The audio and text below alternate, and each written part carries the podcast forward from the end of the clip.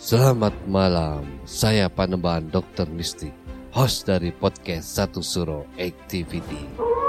Sekarang Satu Suro Activity bekerja sama dengan Anchor. Aplikasi ini sangat membantu saya untuk membuat dan publish show saya ini. Perlu kalian ketahui, ternyata membuat podcast itu sangat gampang sekali dan 100% gratis. Anchor tidak hanya mempermudah untuk membuat podcast. Dalam hal distribusi pun aplikasi Anchor memiliki banyak jaringan, di antaranya Spotify, Apple Podcast, dan platform podcast lainnya. Tidak perlu berpikir lama, segera download aplikasi Anchor dan bikin podcast kamu sekarang juga gak pakai lama. Saat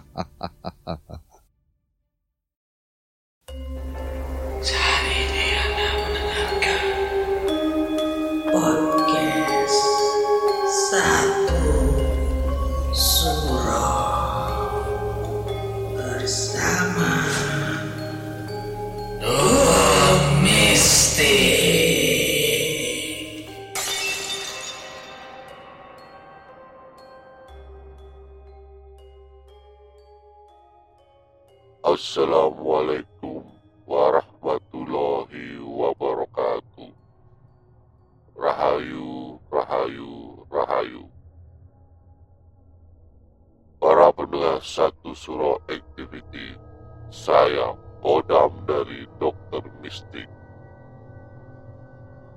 Pada malam hari ini, satu surau activity mempersembahkan segmen Kini Aku Jadi Tahu memberikan informasi mengenai mitologi tuyul. Selamat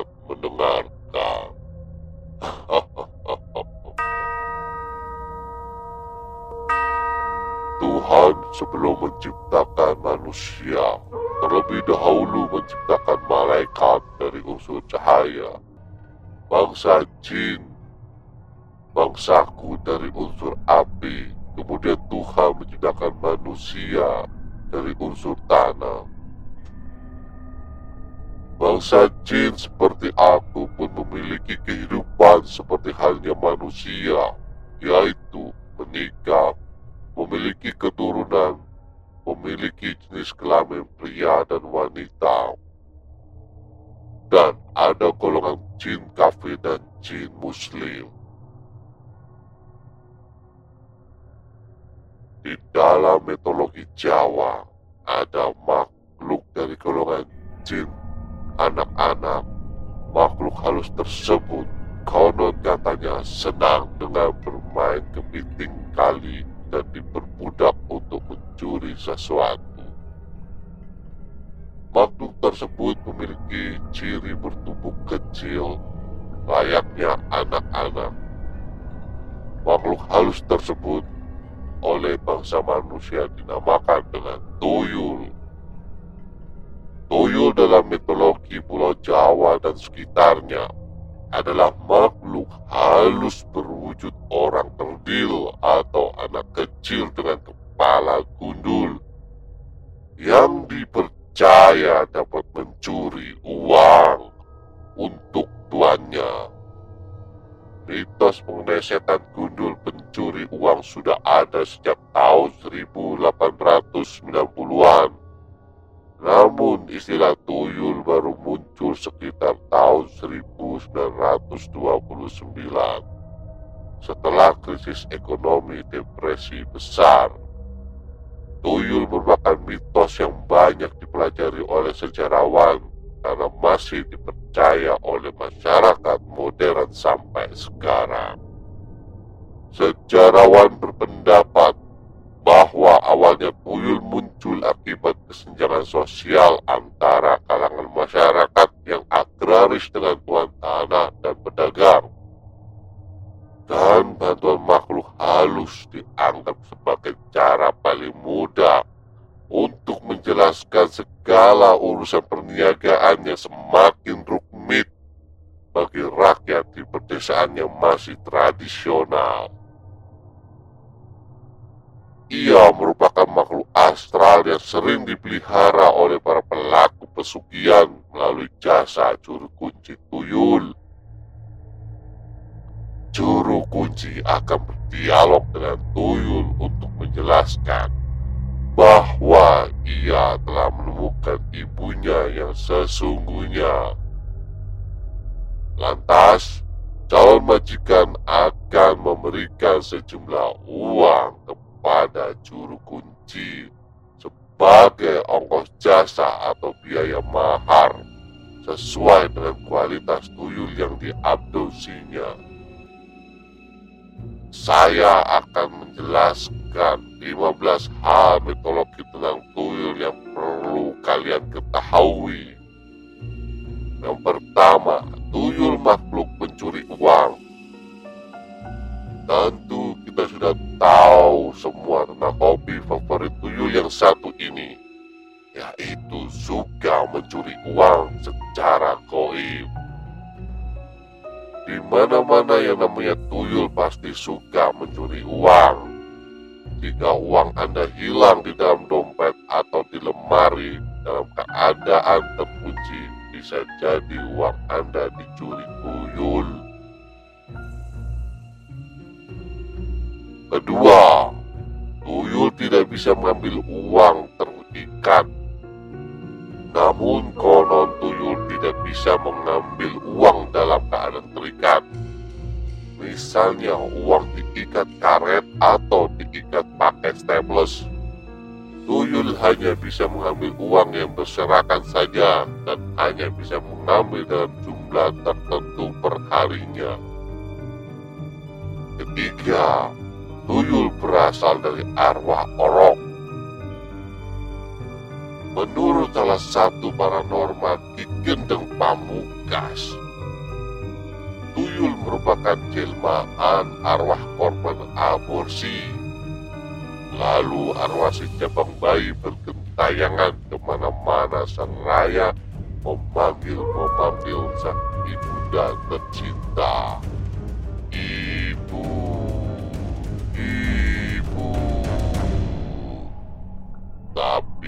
Ia keburu ditangkap oleh dukun tuyul untuk diperjualbelikan kepada majikan. Keempat, tuyul berwujud seram. Tuyul ternyata berwujud seram dan jauh dari bayangan orang-orang yang menganggapnya seperti anak kecil yang lucu.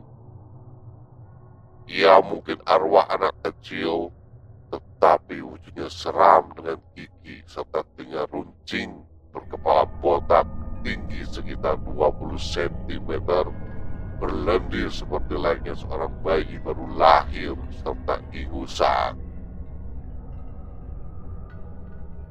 Kelima, tuyul bisa diperdagangkan. Tuyul menjadi objek jual beli dengan harga mahal oleh para dukun kaya tanpa usaha. Harga satu tuyul berkisar antara 5 sampai 10 juta rupiah. Itu tergantung kualitas tuyul yang diinginkan. Lagi-lagi masih menurut Ki Gendeng Pamungkas, tuyul yang paling berkualitas berasal dari kawasan Kuningan, Jawa Barat, Tulung Agung, Jawa Timur, dan Karangpujung, Cilacap. Tiga tempat tersebut terkenal paling bagus tuyulnya. Namun, belum mencukupi untuk kualitas diekspor. Ternyata jual beli tuyul kita sudah SNI tapi belum SLI standar langsung internasional. Tuyul kita masih gaptek. Now, tuyul suka mainan anak-anak. Seperti layaknya seorang bayi, tuyul minta diberikan aneka mainan anak-anak di tempat tidurnya. Misalnya, boneka, mobil-mobilan, lereng, buku gambar, dan aneka mainan anak kecil. Tempat tidur tuyul juga dibuat seperti layaknya tempat tidur bayi karena ia merupakan bayi yang gagal lahir ke dunia akibat dibunuh ibunya sendiri melalui aborsi. Terkadang memang manusia itu bisa lebih jahat, lebih kejam dari iblis. Ketujuh, tuyul suka bermain kepiting. Jika Anda memelihara kepiting di dalam sumur, maka Anda akan aman dari gangguan tuyul. Karena si tuyul akan sibuk bermain kepiting di dalam sumur, sehingga lupa mencuri uang Anda. Oleh karena itu, peliharalah beberapa ekor kepiting di dalam sumur Anda. Kedelapan, tuyul takut cermin. Jika Anda menaruh kaca atau cermin di dekat uang yang Anda simpan, maka tuyul tidak akan berani mendekati uang Anda karena melihat bayangannya sendiri di dalam cermin. Tuyul akan mengira bahwa siapa yang ia lihat di dalam cermin tersebut adalah tuyul peliharaan Anda, sehingga ia takut ditampar oleh tuyul Anda. Karenanya, taruhlah sepotong cermin kecil di dekat berangkas Anda, agar Anda dikira memelihara tuyul oleh tuyul lain. Ternyata tuyul itu aslinya jongkok ya. Tidak bisa membedakan itu hanya pantulan cermin cahaya. Sembilan, tuyul suka menetek. Tidak hanya manusia saja, tuyul juga suka menetek. Maklum, ia adalah arwah bayi korban kejahatan ibunya yang kini sangat membutuhkan air susu ibu alias ASI. Ia bisa mendapatkan air susu ibu dari seorang majikan yang mengadopsinya. Namun harus ditebus dengan sejumlah uang dengan cara mencuri ke orang lain. Sepuluh, tuyul suka digendong. Seperti layaknya memiliki anak kecil, tuyul suka mengajak jalan-jalan seminggu sekali minta digendong di belakang. Maka si majikan tuyul biasanya meletakkan kedua tangannya di belakang. Seolah-olah menggendong anak kecil sambil jalan-jalan keliling kampung. Sebenarnya ia sedang menggendong tuyul. Tak gendong ke mana-mana.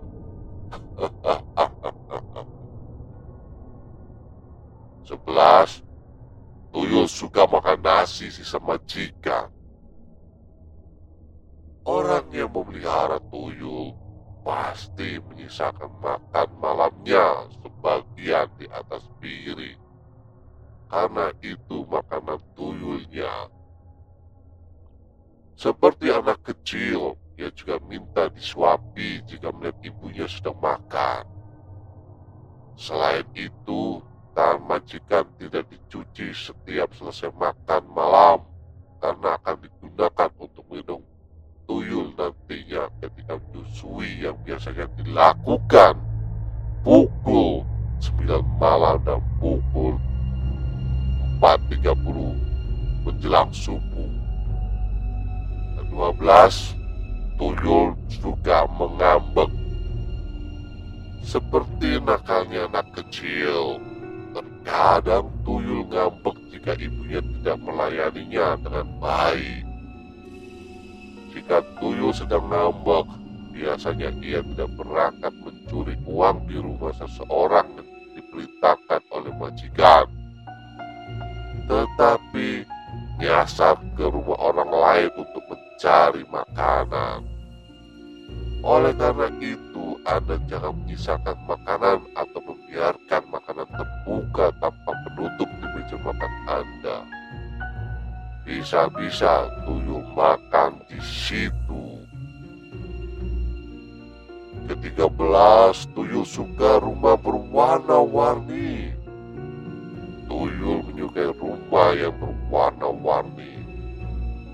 Karenanya orang yang memelihara tuyul harus mengecat rumahnya berwarna-warni agar si tuyul senang dan kerasan. Seperti anak kecil pada umumnya, tuyul menyukai warna yang mencolok. Ke-14, tuyul bekerja selama 10 tahun. Tuyul hanya bisa mencuri uang maksimal selama 10 tahun saja. Setelah itu harus ganti tuyul baru. Mungkin tuyul lama ini sudah dewasa, kemudian taubat dan belajar mengaji di alamnya. Beberapa pakar mengatakan bahwa bayi bajang bisa tumbuh menjadi besar seperti layaknya manusia. Ternyata tuyul ada punya masa kerja, kontrak, kayak manusia saja yang ada PKWT-nya. 15. Majikan tuyul umumnya wanita.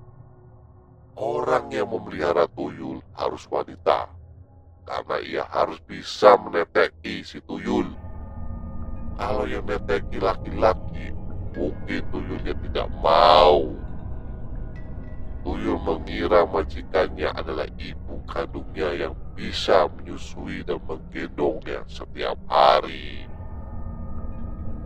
Gak kebayang tuyul netek. Gak kebayang yang netekin tuyul laki-laki gimana ya. Tuyul ini hombre kali ya.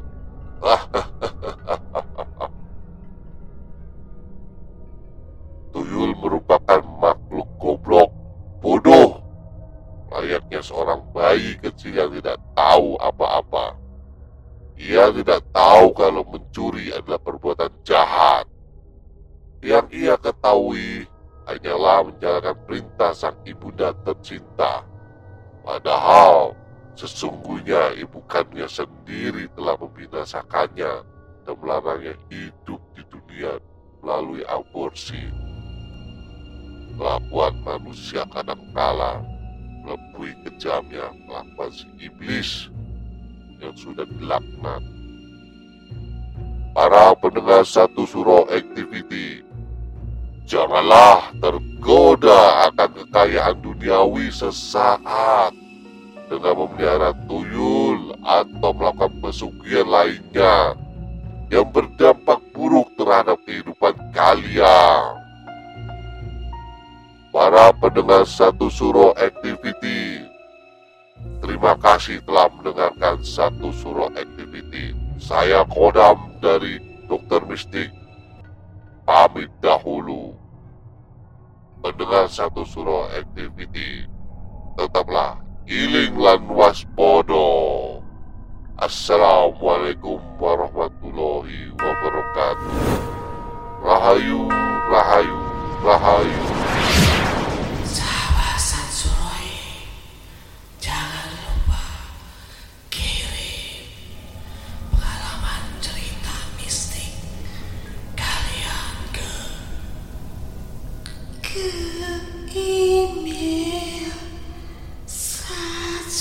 Urai et dimei.